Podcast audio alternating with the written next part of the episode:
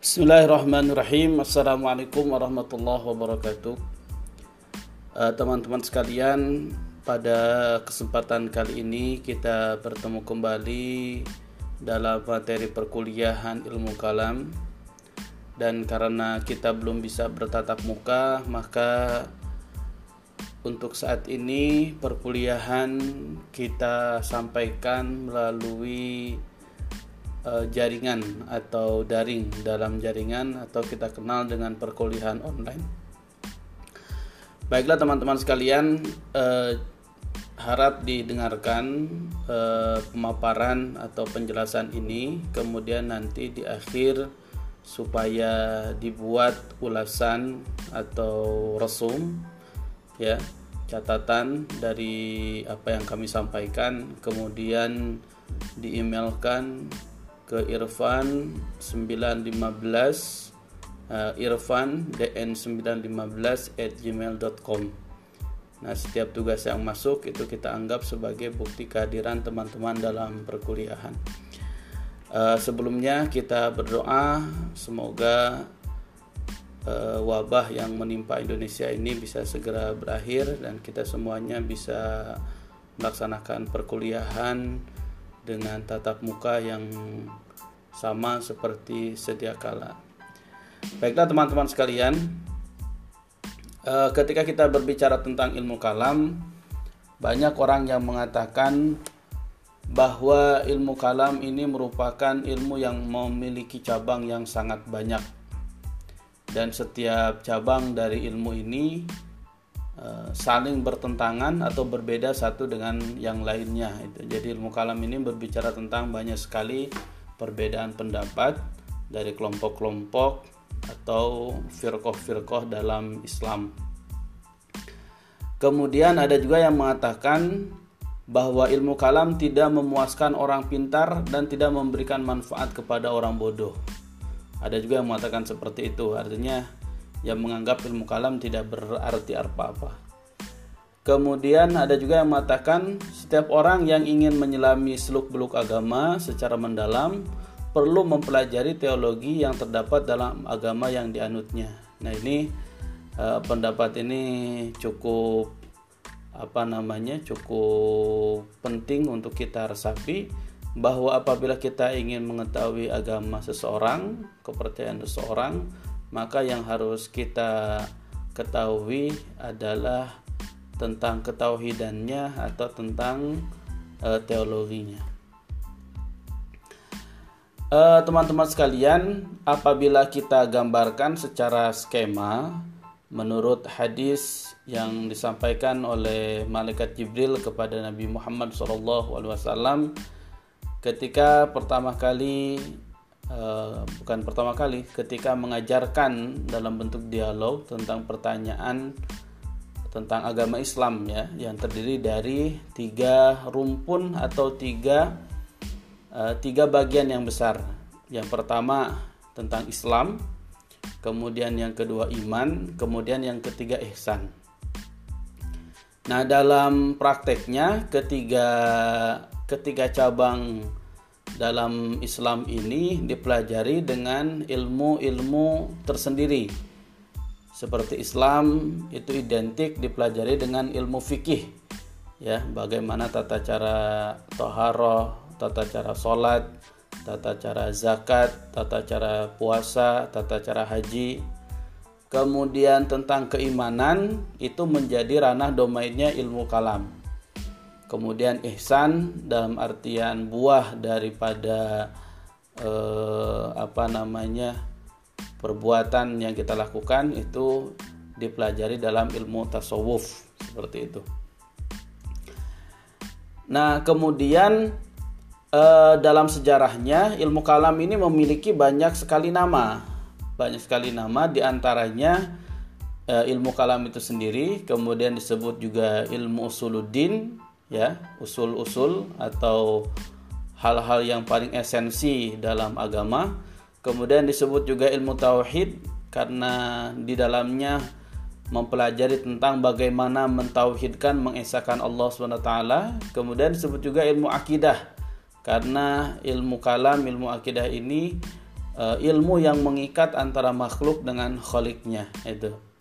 Kemudian ada juga dalam uh, bahasan lain disebut dengan teologi, kemudian disebut juga ilmu lahut dan lain sebagainya itu banyak ragamnya ya. Kemudian teman-teman sekalian, uh, kenapa diberi nama ilmu usuluddin? Nah, apabila kita lihat dari segi bahasa, usul itu jamak dari kata asal. Sedangkan asal ini merupakan asas atau dasar ya. Maka usuluddin ini ilmu yang mempelajari tentang dasar-dasar dari agama. Itu. Nah, dalam Islam yang paling mendasar adalah syahadat.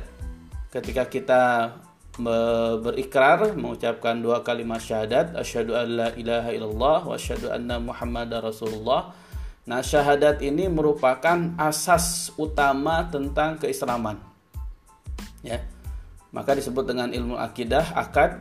Nah maka ketika kita sudah bersyahadat ibaratnya kita sudah melakukan akad melakukan e, melakukan jual beli dengan Allah Subhanahu wa taala dan kita telah menetapkan diri untuk mentaati segala apa yang diperintahkan dan menjauhi apa yang dilarang oleh Allah SWT. Kemudian kenapa disebut ilmu tauhid tadi? Tauhid ini secara bahasa berasal dari kata wahadah yuwahidu tauhid yang artinya mengesahkan. Ya, mengesahkan oleh karena itu ilmu tauhid membahas segala hal tentang Allah SWT dalam rangka mengesahkan baik dari segi zat, sifat maupun perbuatannya. Nah ini nanti ada yang e, penafsirannya yang beragam, memunculkan kelompok yang bermacam-macam juga. Kemudian tadi disebut juga dengan ilmu aqaid atau ilmu akidah ya. Akidah berasal dari kata akdun yang artinya ikatan atau disebut juga dogma. Dogma ini artinya adalah nilai-nilai atau ajaran. Ya. Karena yang dibicarakan dalam masalah akidah ini adalah kepercayaan-kepercayaan dalam Islam. Itu yang harus dipercayai dan diimani.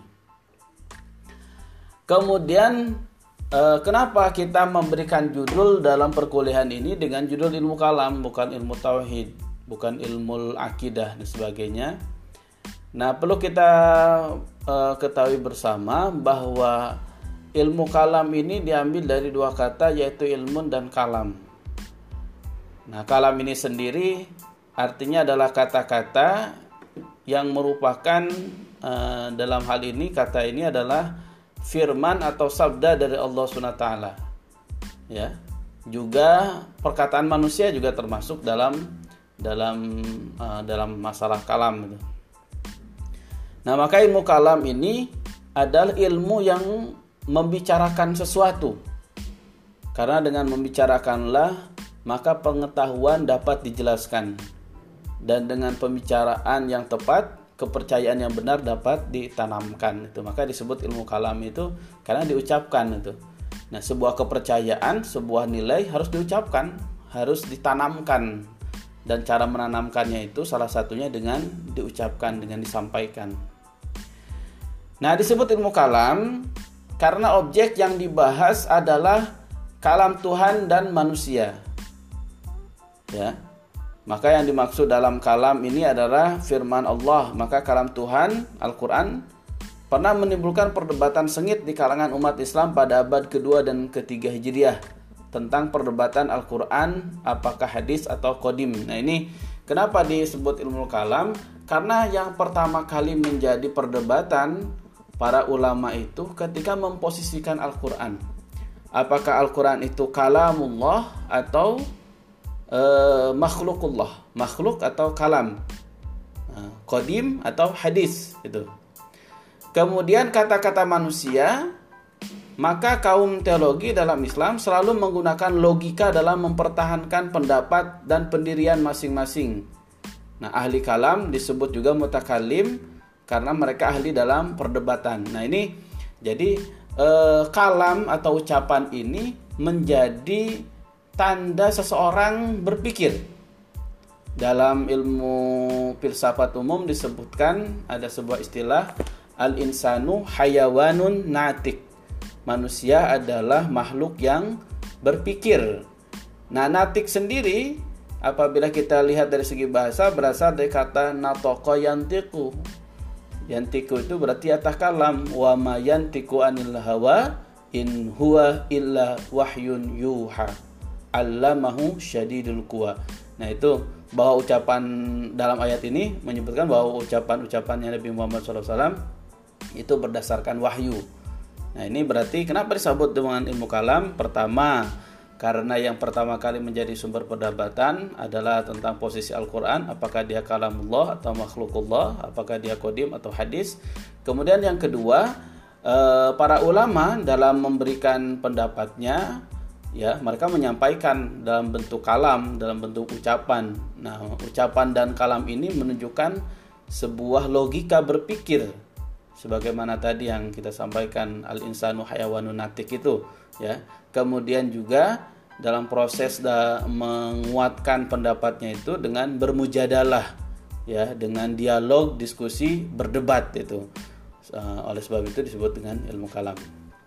Nah ilmu kalam itu merupakan disiplin keilmuan dalam agama Islam uh, terkait berbagai argumentasi tentang akidah iman yang diperkuat dengan dalil-dalil rasional gitu Nah, kapan ilmu kalam itu lahir?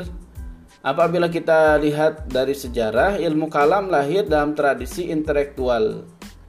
Tradisi intelektual adalah upaya yang dilakukan oleh masyarakat beragama untuk menemukan permasalahan-permasalahan yang berkaitan dengan akal dalam masyarakat tertentu dan mencoba menyelaraskan hubungan antara akal dengan apa yang disebut wahyu.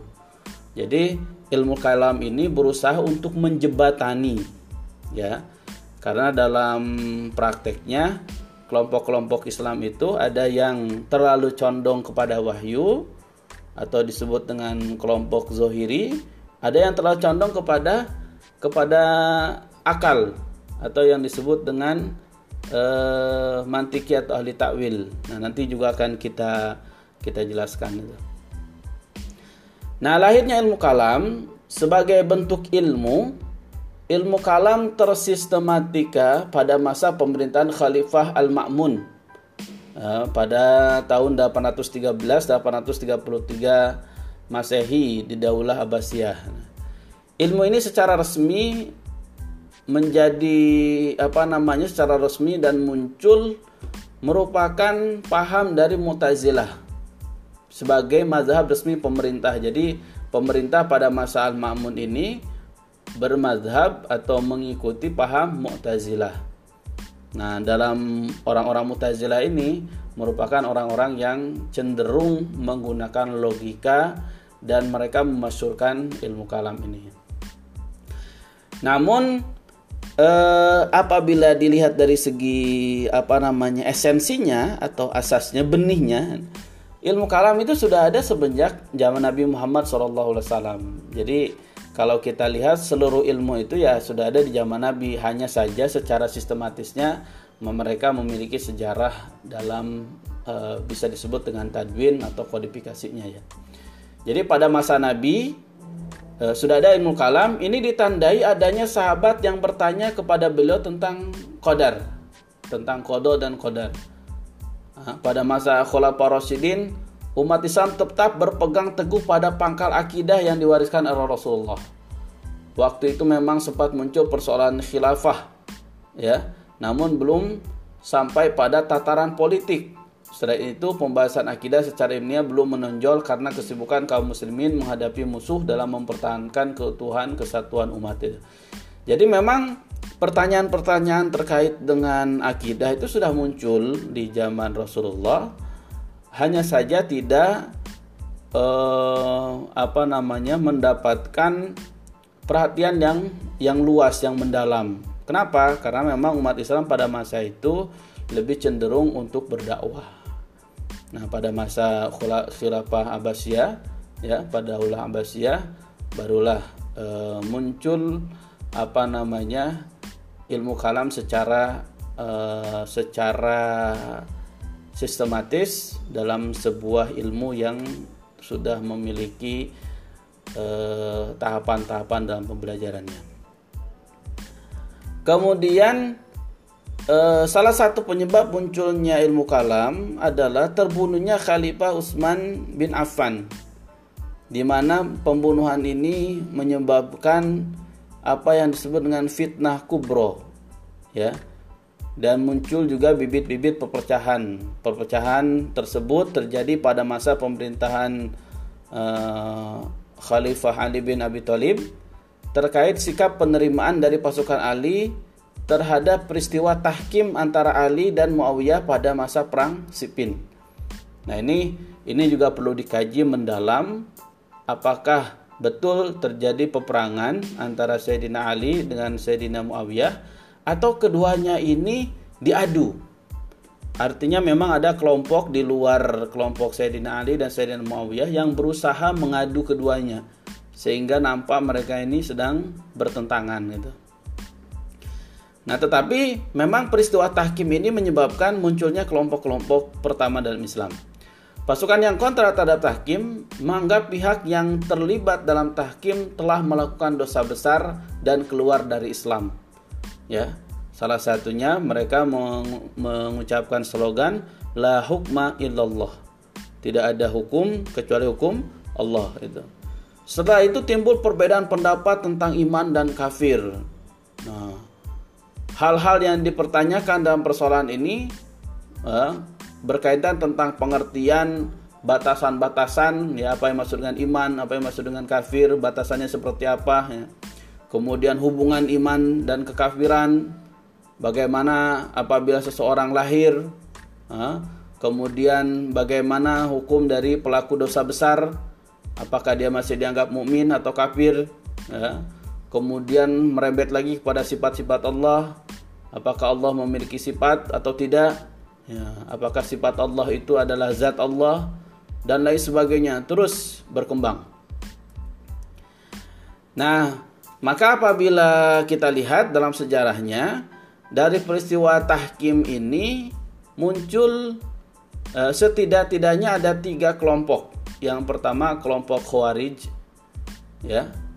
Kemudian yang kedua kelompok Syiah, yang ketiga kelompok Murji'ah. Ini. Jadi kelompok yang pertama kali muncul itu secara eksistensinya, secara apa nama secara gerakan itu kelompok Khawarij itu kemudian Syiah. Nah, kemudian juga selain peristiwa tahkim yang menyebabkan munculnya kelompok-kelompok itu adalah tentang persoalan pemurnian teologi. Ya. Muncul ada Qadariyah, ada Jabariyah.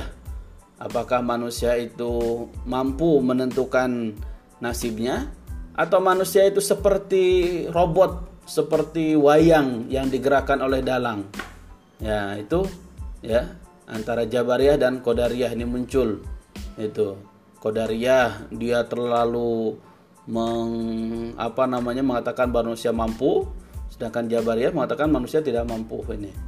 Itu tentang masalah um, kemunculan uh, dari masalah pemurnian teologi. Nah kemudian teman-teman sekalian ya dari Khawarij kemudian menjadi Qadariyah kemudian menjadi Mu'tazilah, kemudian Murji'ah, kemudian menjadi Jabariyah, kemudian menjadi Sunni, kemudian memunculkan ilmu kalam. Ini apa namanya gambarannya nanti akan kita perlihatkan, kita akan uh, kirimkan ya. Jadi ada Syiah, apa namanya Khawarij, Murji'ah, Qadariyah, Jabariyah, Mu'tazilah, Sunni, kemudian menjadi ilmu kalam. Nah, ilmu kalam benar-benar dianggap lahir pada masa Mu'tazilah. Kenapa? Karena dialah yang pertama kali berupaya mensistemasi, mensistematiskan doktrin agama dalam kerangka tauhid dan adil. Jadi ajarannya Mu'tazilah yang paling yang paling dominan itu adalah tauhid dan adil, adalah. Namun, sebagai sebuah ilmu yang berdiri sendiri, ilmu kalam baru lahir setelah adanya pertemuan Islam dengan budaya Yunani atau disebut dengan Helenisme. Nah, ini uh, juga penyebab apa namanya? penyebab kemunculan ilmu kalam itu selain peristiwa tahkim, kemudian eh, apa namanya meluasnya kekuasaan Islam kemudian karena ulama-ulama mempelajari filsafat Yunani ini juga menjadi salah satu penyebab kemunculan eh, ilmu kalam Nah, adapun tema-tema dalam ilmu kalam itu bisa kita uh, ringkas menjadi empat subtopik gitu ya. Yang pertama tentang otoritas dan legitimasi politik. Karena tadi permulaan awal munculnya itu karena hal hal karena permasalahan politik ketika peristiwa tahkim. Kemudian yang kedua posisi pendosa. Pendosa itu murtakabil kabiroh itu bagaimana posisinya apakah dia seorang mukmin atau dia kafir, dia masuk neraka selamanya atau masuk neraka e, kemudian nantinya masuk surga. Kemudian tentang kehendak irodah, apakah manusia itu bisa e, memposisikan diri untuk me, mengatur irodahnya atau irodahnya itu terkait dengan irodah Allah. Kemudian yang keempat tentang sifat Allah. Eh, teman-teman uh, sekalian, perlu kita jelaskan juga tentang perbedaan ilmu kalam dengan ilmu lainnya. Ya. Salah satunya tentang ilmu fikih. Tuh. Kalau tauhid berkaitan dengan soal aqaid, hal-hal yang sifatnya kepercayaan, maka fikih ini berkaitan tentang hukum-hukum perbuatan lahir, amaliyah. Jadi perbedaannya eh, tauhid membicarakan masalah kebatinan, kolbiyah, sedangkan ilmu fikih membicarakan masalah lahiriah. Kemudian dengan ilmu tasawuf, apa bedanya itu? Perbedaan keduanya meliputi metode dan objek pembicaraan. Nah, kalau tauhid bercorak apa namanya tentang akidah, agama dengan rasio dan akal pikiran, eh, bahkan cenderung mengkonstruksi akal pikiran, jadi menggunakan akal pikiran untuk memahami.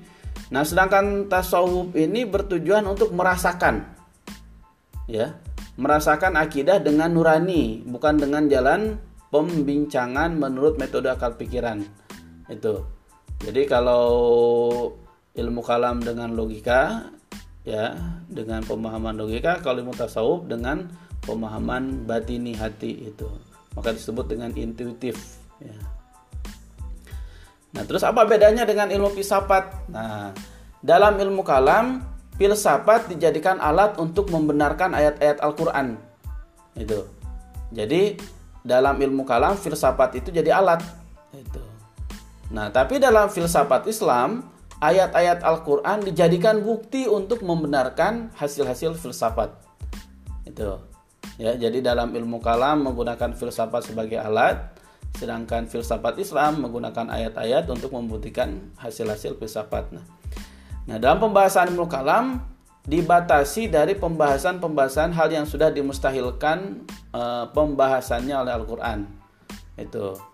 Nah, sedangkan dalam filsafat Islam, akal diberikan kebebasan untuk memikirkan segala sesuatu yang ada. Ini yang ini yang perbedaan antara ilmu kalam dengan e, ilmu filsafat. Kemudian apa persamaannya? Kalau tadi perbedaannya apa persamaannya? Persamaan antara tasawuf, ilmu kalam dan filsafat ya.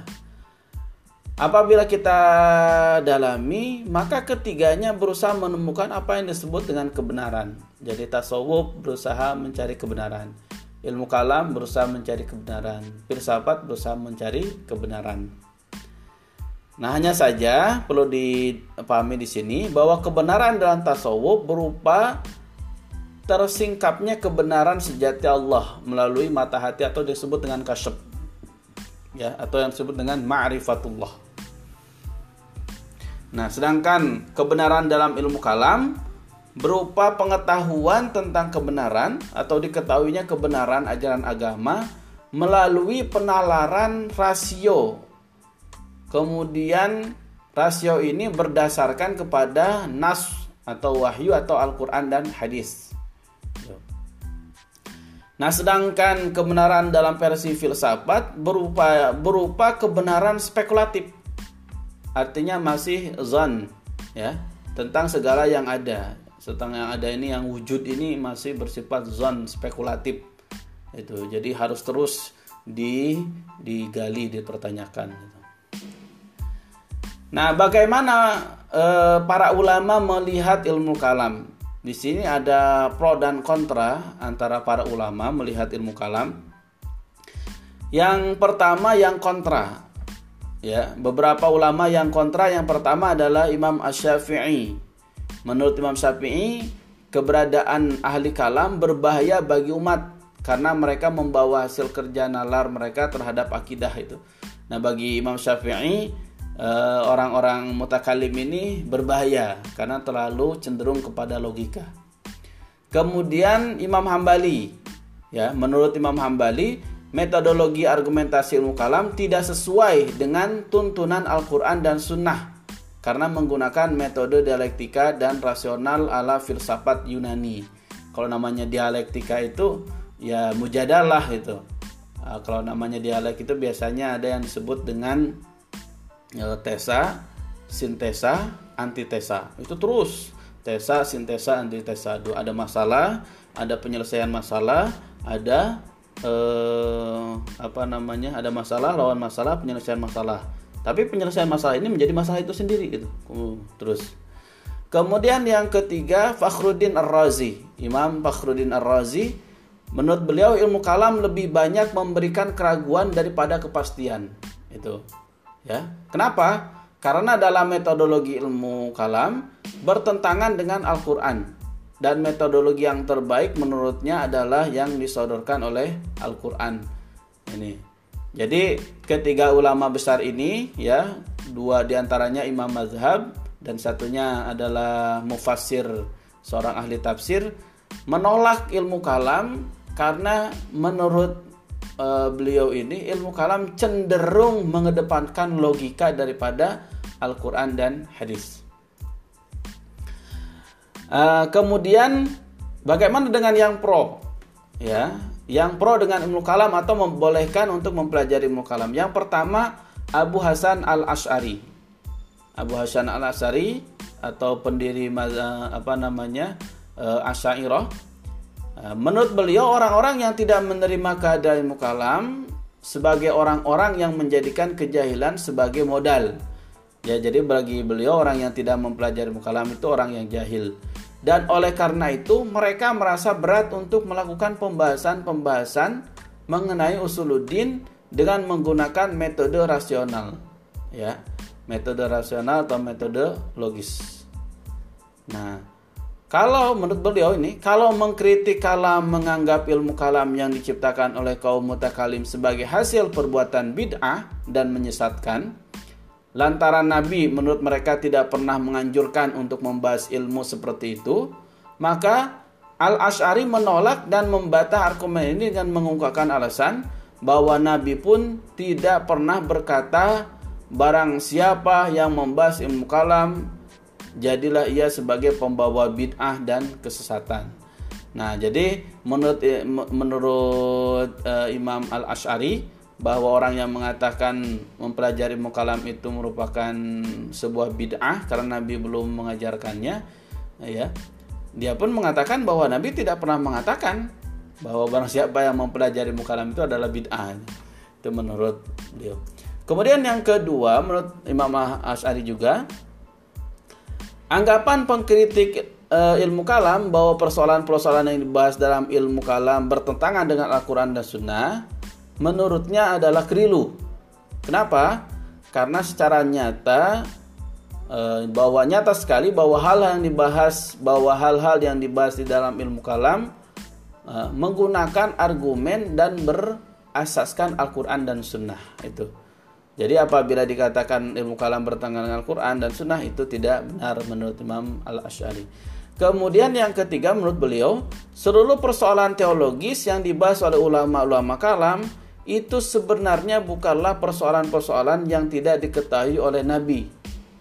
Itu. Jadi Nabi sudah mengetahui persoalan-persoalan kalam itu.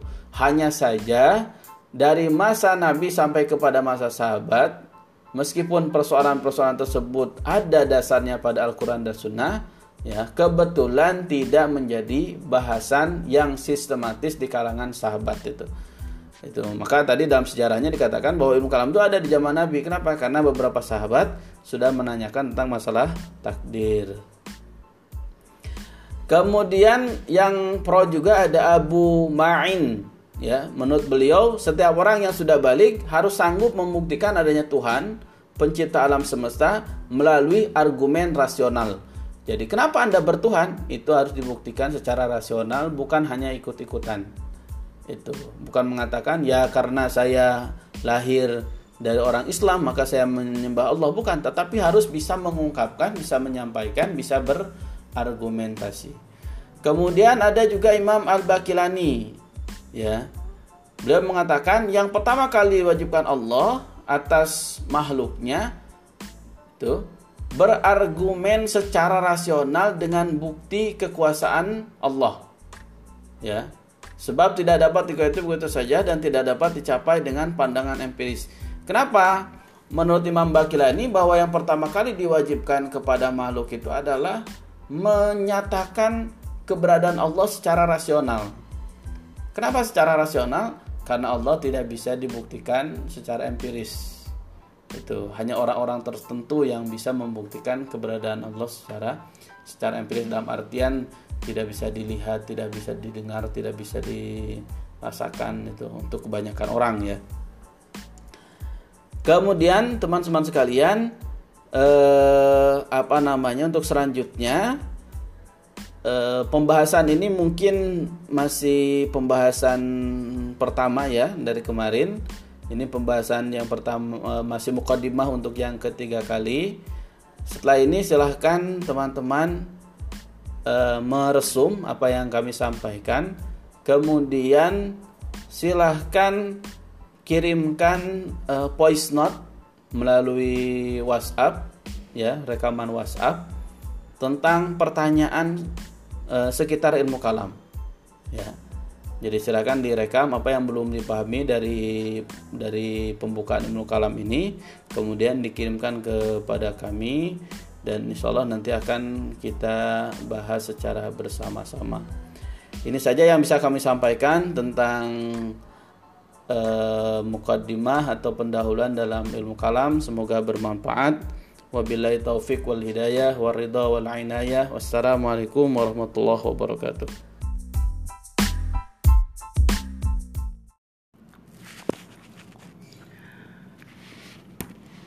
Kita mulai cerita pada saat ini yang judulnya Cican menjatuhkan vas bunga. Ups. Teman-teman mau tahu? Teman-teman mau tahu bagaimana ceritanya? Mau. Pagi itu, Cican sedang piket membersihkan kelas. Ketika sedang membersihkan meja Bu Besi, tiba-tiba brak Vas bunga di meja tersenggol sampai jatuh. Wah, bagaimana ini? Cican kebingungan. Bu Besi pasti marah nanti, kata Cican di dalam hati. Cican segera membersihkan pecahan pas bunga. Dia tidak mau ada yang tahu kalau dia sudah memecahkan pas bunga punya Bu Besi. Tapi ketika Cican sedang membereskan pecahan pas bunga tersebut, tiba-tiba, "Hai Cican, apa itu?" tanya Oren yang baru masuk ke kelas. Dengan ragu-ragu, Cican menjawab, bukan apa-apa Oren, katanya. Dia menyembunyikan sesuatu sehingga wajahnya tampak kemerah-merahan karena malu. Tak lama kemudian Bu Besi datang membawa seikat bunga di tangannya. Dan anak-anak pun ramai menyapa, Pagi bu, serentak anak-anak memberi salam. Pagi anak-anak, jawab Bu Besi senang. Ketika akan meletakkan bunga yang dibawanya, Bu Besi tampak mencari sesuatu Hmm, di mana ya pas bunga yang ada di meja? Tanya Bu Besi. Oh iya ya, di mana pas bunganya? Ujar Kebi. Di mana ya? Ujar Monster ikut bingung. Semuanya bingung, semuanya bertanya-tanya di mana pas bunga itu berada. Ketika hal itu terjadi, Cican terdiam dia berpikir apa yang sebaiknya dia lakukan. Apakah dia menunjuk orang lain, menunjuk Oren dan Monster yang sudah memecahkan pas bunganya? Atau dia pura-pura tidak tahu, duduk saja di meja di kursinya sambil bernyanyi-nyanyi? Atau dia mengaku? Setelah dipikir panjang, sebagai seorang anak yang bertanggung jawab, Cican akhirnya mengangkat tangan. Meski sedikit takut, Cican pun berkata, Maaf Bu Betsy, tadi aku tak sengaja memecahkan saat sedang piket, ujar Cican menyesal. Tapi apa yang terjadi?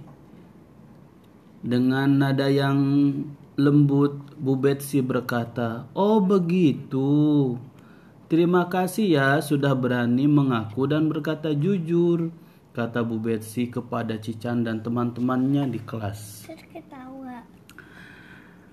Tapi Cican bantu membuat pas bunga yang baru ya, ujar Bu Betsy sambil tersenyum. Kami juga mau bantu, kata teman-teman secara kompak.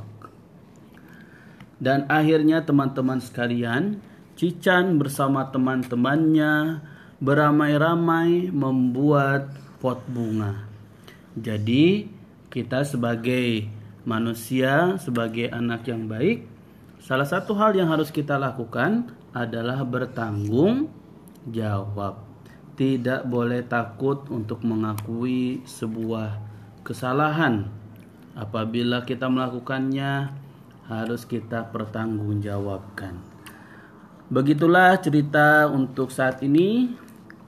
Kita akan beralih kepada cerita selanjutnya. Uh, semangat untuk semuanya. Selamat mendengarkan dan sampai jumpa. Assalamualaikum warahmatullahi wabarakatuh.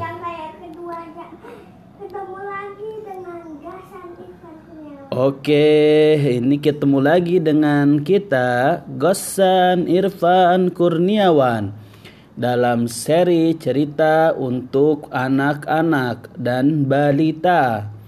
Kesempatan pada kesempatan ini kita akan bercerita tentang semut dan Nabi Sulaiman. Oke, teman-teman sudah siap untuk mendengarkan? Teman-teman tahu kan siapa Nabi Sulaiman? Nabi Sulaiman itu adalah nabi yang ke-19 dalam urutan 25 nabi yang harus kita ketahui.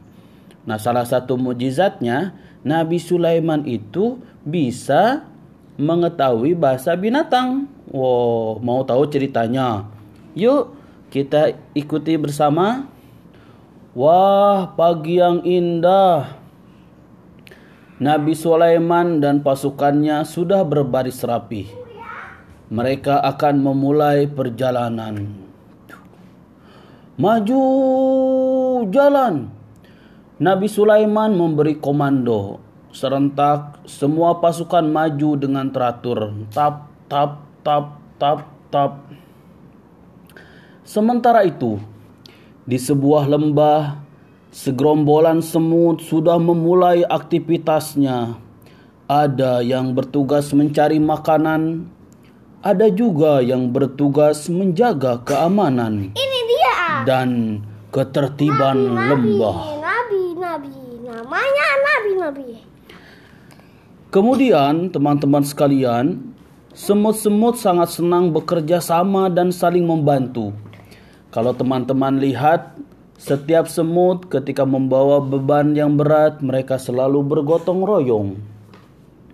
Oleh sebab itu, teman-teman harus bisa ber, gotong royong, harus bisa belajar kepada semut-semut yang bersama-sama dalam mengangkat benda yang berat.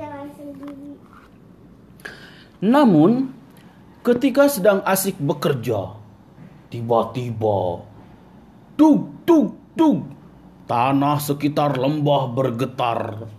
Semua semut sangat kaget. Mereka lari, mereka ada yang terbang, mereka ada yang tertindih babatuan dan juga daun-daunan. Ada juga yang terjatuh dari ranting yang sedang mereka naiki. Seketika itu, ops, ternyata rupanya Nabi Sulaiman dan pasukannya mereka sudah tiba di lembah semut. Mereka sudah tiba di lembah semut dan mereka tidak tahu kalau di lembah itu banyak semutnya dan mereka berjalan dengan gegap gempita. Ketika itu sang raja semut langsung mengumpulkan seluruh semut-semut yang ada. Hei semut-semut, ke sini semuanya. Setelah mereka berkumpul, dia pun berkata, Teman-teman, cepat bersembunyi. Nabi Sulaiman dan pasukannya menuju ke sini. Masuk, masuklah ke dalam sarang-sarangmu agar kalian tidak diinjak oleh Nabi Sulaiman dan bala tentaranya. Teriak Raja Semut kepada anggotanya. Seketika itu juga semua semut bergerak mencari perlindungan. Ada yang masuk ke dalam lubang, ada juga yang bersembunyi di bawah batu. Semuanya berlari menyelamatkan diri. Ketika Nabi Sulaiman mendengar seruan dari Raja Semut, Nabi Sulaiman langsung memberhentikan pasukannya. Pasukan berhenti. Lewatlah semut-semut kecil, katanya. Kemudian Nabi Sulaiman berdoa, Ya Tuhanku, berilah aku ilmu untuk tetap mensyukuri nikmatmu.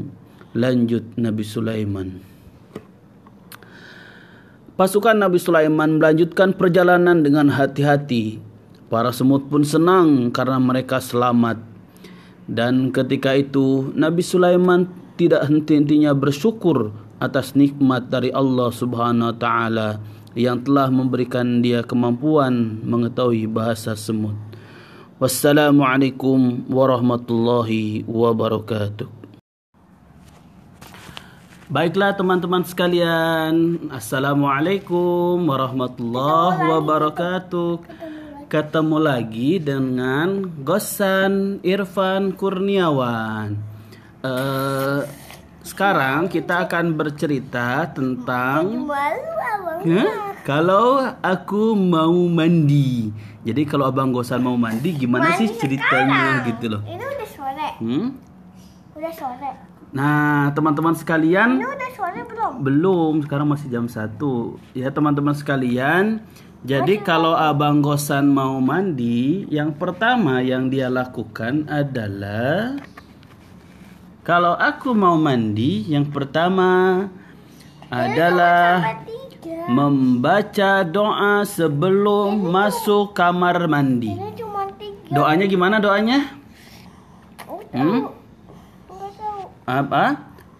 Allahumma inna.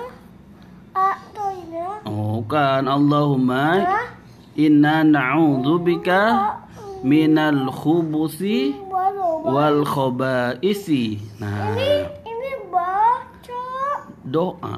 doa.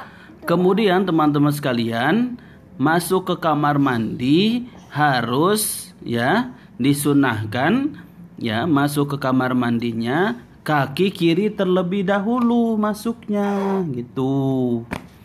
Terus yang pertama siram tubuh dengan air. Teng teng teng. Setelah disiram tubuh dengan air sudah basah ya teman-teman sekalian.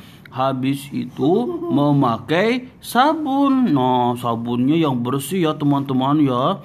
Semua dari kepala sampai kaki semuanya harus dipakein sabun. Biar nggak ada coronanya. Ah, biar tidak ada corona teman-teman sekalian ya. Sekarang lagi musim corona. Iya, sekarang lagi musim corona. Kemudian setelah itu teman-teman sekalian, bilas tubuh dengan air. Teng teng teng. Oh, habis habis pakai sabun, jangan lupa dibilas. Kalau nggak dibilas, nanti sabunnya mengerak menjadi apa namanya? menjadi Apa? eh, nempel di kulit dan itu tidak baik ya teman-teman ya Itu apa? itu keras ditempelkan. Kemudian teman-teman sekali- sekalian, keringkan tubuh dengan handuk ya setelah disiram, keringkan tubuh dengan dengan handuk dan akhirnya teman-teman sekalian keluar dari kamar mandi harus mendahulukan kaki kanan. Abang Ya. terus. Sukanya masuk kaki kanan, keluar kaki kanan. Oh, harusnya kalau masuk kaki kaki kiri, kalau keluar kaki kanan. Terus jangan lupa membaca doa keluar dari ma- kamar mandi, ya. Alhamdulillahirabbil alamin. Oke. Oke, itu dia teman-teman untuk cerita kita. Semoga bisa didengarkan dan bisa dinikmati. Wassalamualaikum warahmatullahi wabarakatuh. Assalamualaikum warahmatullahi wabarakatuh. Teman-teman sekalian, ketemu lagi dengan Gosan Irfan Kurniawan. Pada kesempatan kali ini kita akan menceritakan tentang kisah 25 nabi dan rasul yang wajib diketahui. Eh, sebagaimana kita ketahui bersama bahwa manusia pertama di alam semesta yang telah diciptakan oleh Allah adalah Nabi Adam alaihissalam dan beliau merupakan nabi dan rasul pertama. Oleh sebab itu, kita akan bercerita tentang Nabi Adam alaihissalam. Nabi Adam alaihissalam. Oke, teman-teman sekalian, eh, silahkan didengarkan dan diresapi. Semoga cerita ini memberikan inspirasi dan bisa menyebabkan kita tambah bertakwa kepada Allah Subhanahu wa taala. Teman-teman, tahukah kalian bahwa Nabi Adam adalah manusia pertama yang diciptakan oleh Allah? Pasti kalian sudah tahu kan? Sebelumnya Allah sudah menciptakan bumi, alam semesta dan makhluk-makhluk lain. Allah menciptakan Nabi Adam dari segumpal tanah yang dibentuk. Lalu Allah meniupkan ruh ke dalam tubuh Nabi Adam. Itu apa? Ruh itu adalah jiwa. Jiwa apa itu? Jiwa itu sesuatu yang menggerakkan tubuh. Jadi diri kita itu terdiri dari eh, apa namanya jasad dan ruh yang menjadi satu kesatuan yang utuh di mana kita bisa bergerak dan berbuat itu.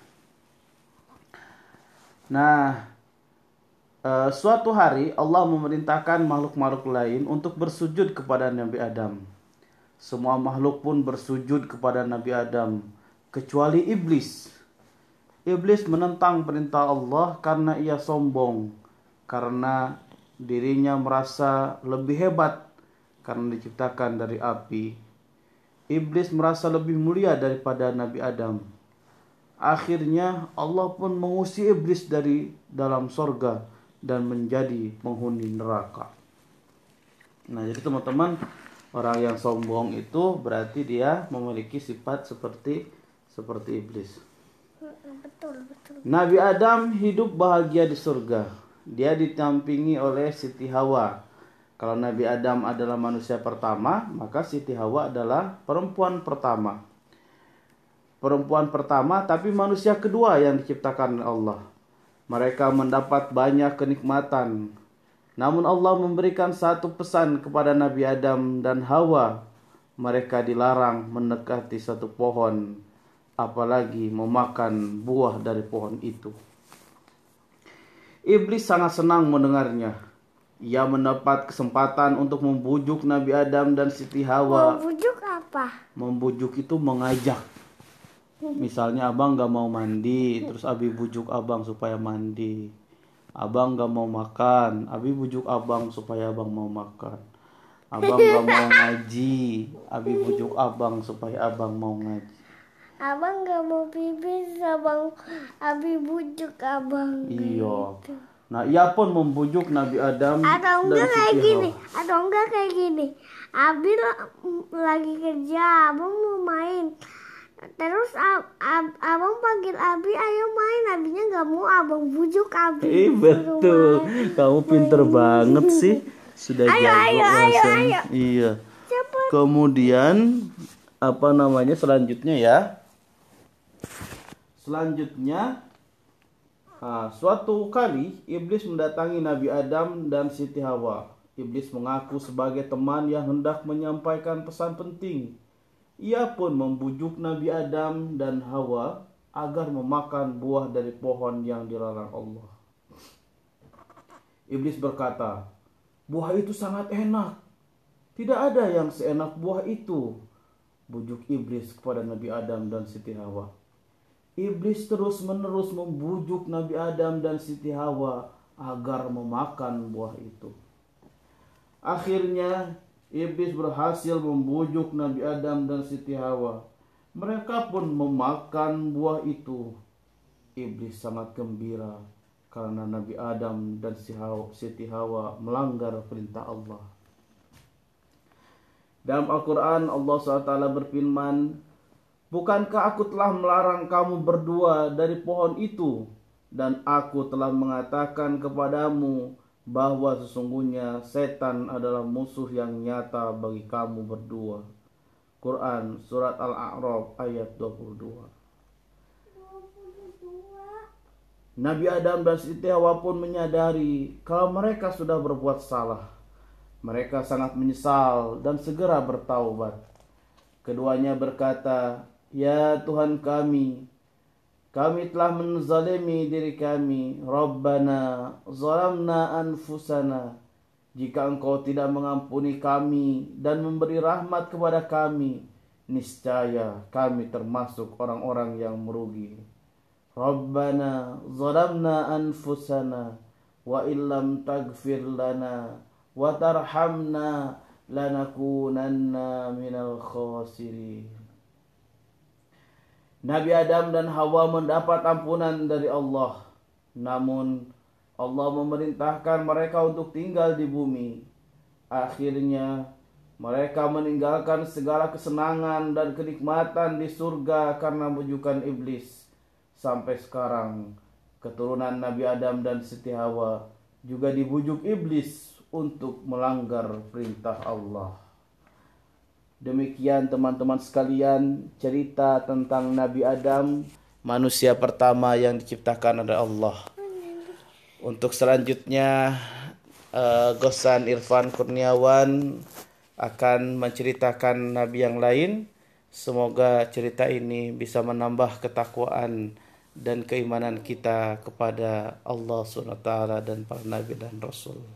Wassalamualaikum warahmatullahi wabarakatuh. Assalamualaikum warahmatullahi wabarakatuh. Hai teman-teman, bertemu lagi dengan Gosan Irfan Kurniawan. Kita akan meneruskan cerita tentang 25 nabi dan rasul. Sebelumnya kita sudah bercerita tentang Nabi Adam, manusia pertama sekaligus nabi dan rasul yang pertama.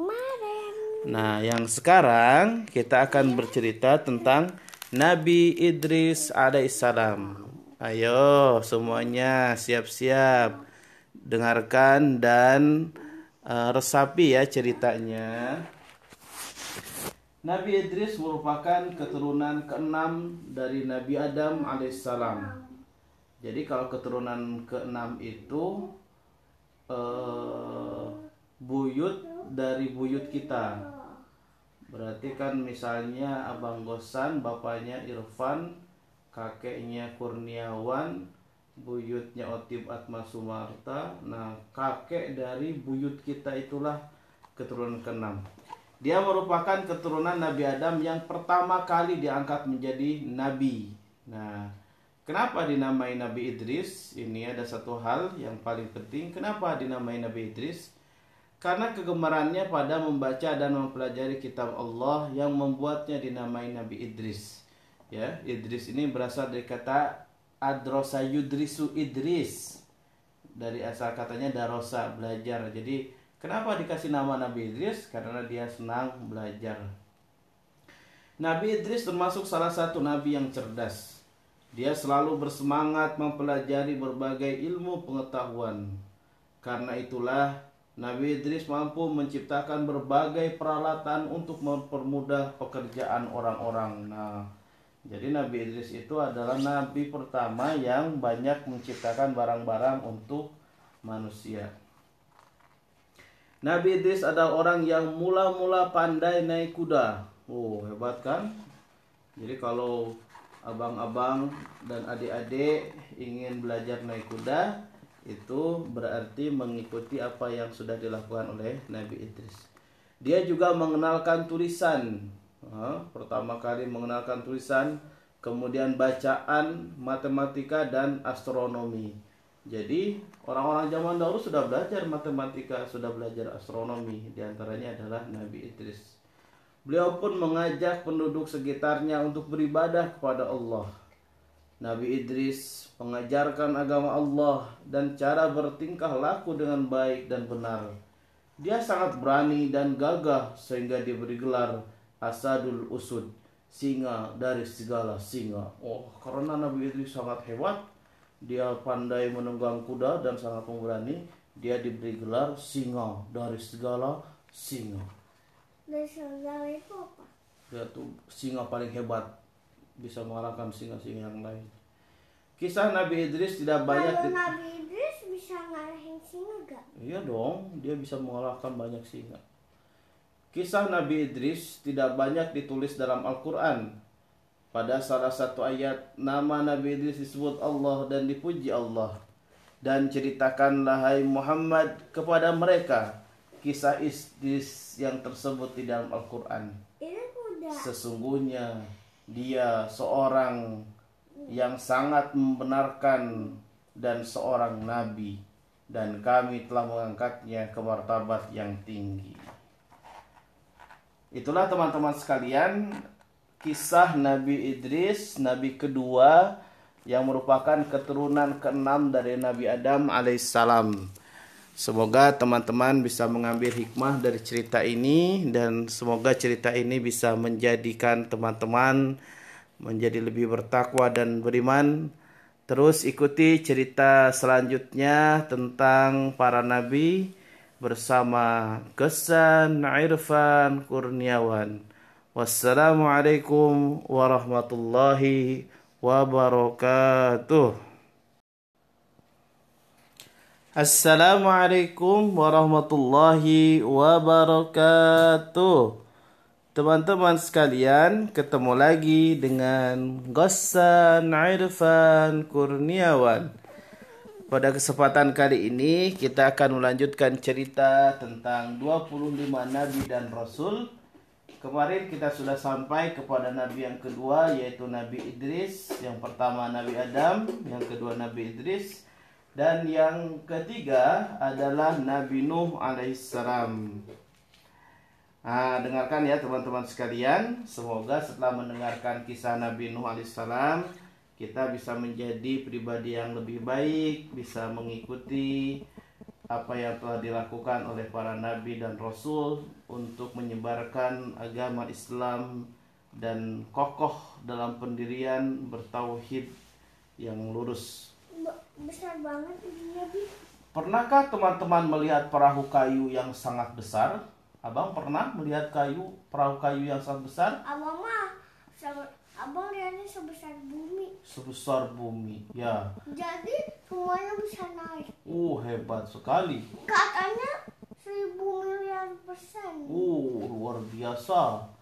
Pada zaman dahulu Nabi Nabi Nuh dan para pengikutnya sudah membuatnya. Loh, kenapa Nabi Nuh membuat perahu ya? Ayo kita dengarkan cerita ini. Nabi Nuh berhadapan dengan kaumnya yang menyembah berhala. Dengan penuh kesabaran, Nabi Nuh menunjukkan bukti kebesaran Allah. Ada matahari, ada bulan, ada air, tumbuhan, binatang, dan lain-lain. Nabi Nuh juga memberitahukan akibatnya jika manusia melanggar aturan Allah. Berapa penduduk mengikuti ajakan Nabi Nuh? Mereka umumnya orang-orang miskin, sementara itu Orang-orang kaya sangat sombong. Mereka tidak percaya kepada Nabi Nuh. Malah mereka mengejek dan mencemooh Nabi Nuh dan pengikutnya. Kalau itu ajaran dari Allah, pasti Allah mengutus malaikat, bukan manusia seperti kamu, kata penduduk yang menolak ajaran Nabi Nuh. Penduduk kaya itu pun meminta bukti kenabian Nabi Nuh. Nabi Nuh sedih mendengar permintaan mereka.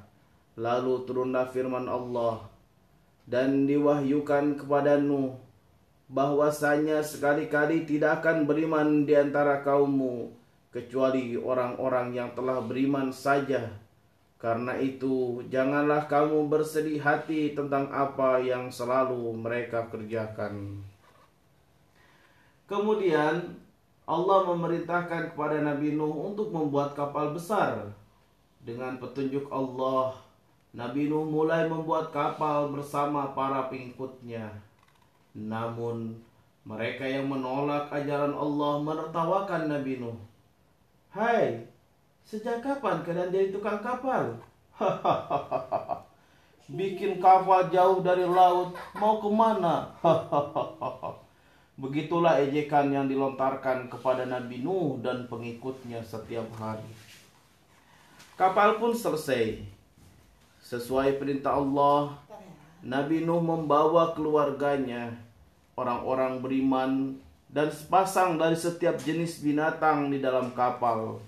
Dengan sepasang dari setiap jenisnya, binatang-binatang itu bisa berkembang biak. Berkatalah Nuh, jika kamu mengejek kami, maka sesungguhnya kami pun mengejekmu sebagaimana sekali kamu sekalian mengejek kami. Kelak kamu akan mengetahui siapa yang akan ditimpa oleh azab yang menghinakannya dan yang akan ditimpa azab yang kekal.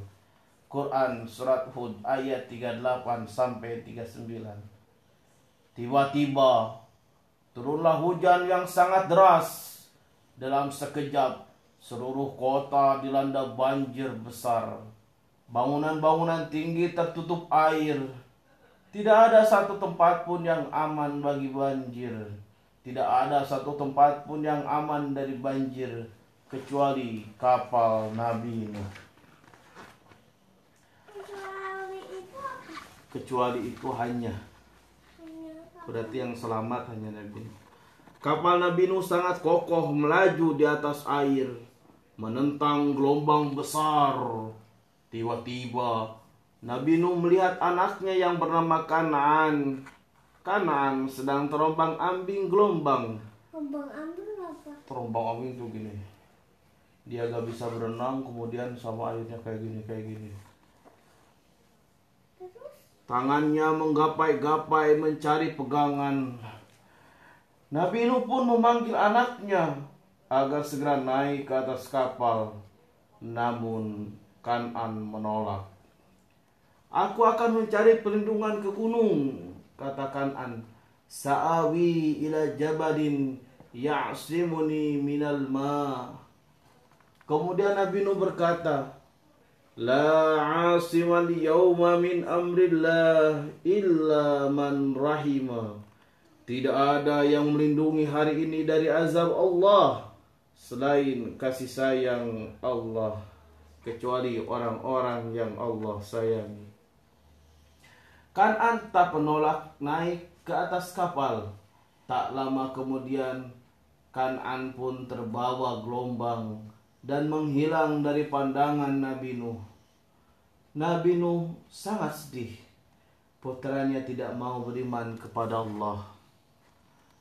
Kapal Nabi Nuh terus melaju mencari tempat untuk mendarat. Setelah air surut, Nabi Nuh dan pengikutnya tiba di Bukit Jud, di Bukit Jud. Akhirnya mereka pun selamat di sana. Nabi Nuh memulai kehidupan baru bersama orang-orang yang beriman. Begitulah teman-teman sekalian kisah Nabi Nuh Nabi ketiga dari silsilah 25 Nabi dan Rasul yang harus kita ketahui. Semoga bisa menjadi pelajaran yang berharga bagi kita semuanya bahwa kita sebagai umat manusia harus beriman kepada Allah dan sebagai anak dari orang tua kita harus mengikuti orang tua kita yang baik. Dan orang tua harus senantiasa mengajak anak-anaknya untuk berbuat baik. Tapi harus dipahami bersama bahwa hidayah hanya milik Allah. Kita hanya bisa mengajak, sedangkan orang-orang bisa memilih menerima ajakan atau tidak. Semoga apa yang kita ceritakan bisa berpengaruh buat teman-teman sekalian. Ikuti terus cerita bersama Gosan Irfan Kurniawan. Wassalamualaikum warahmatullahi wabarakatuh.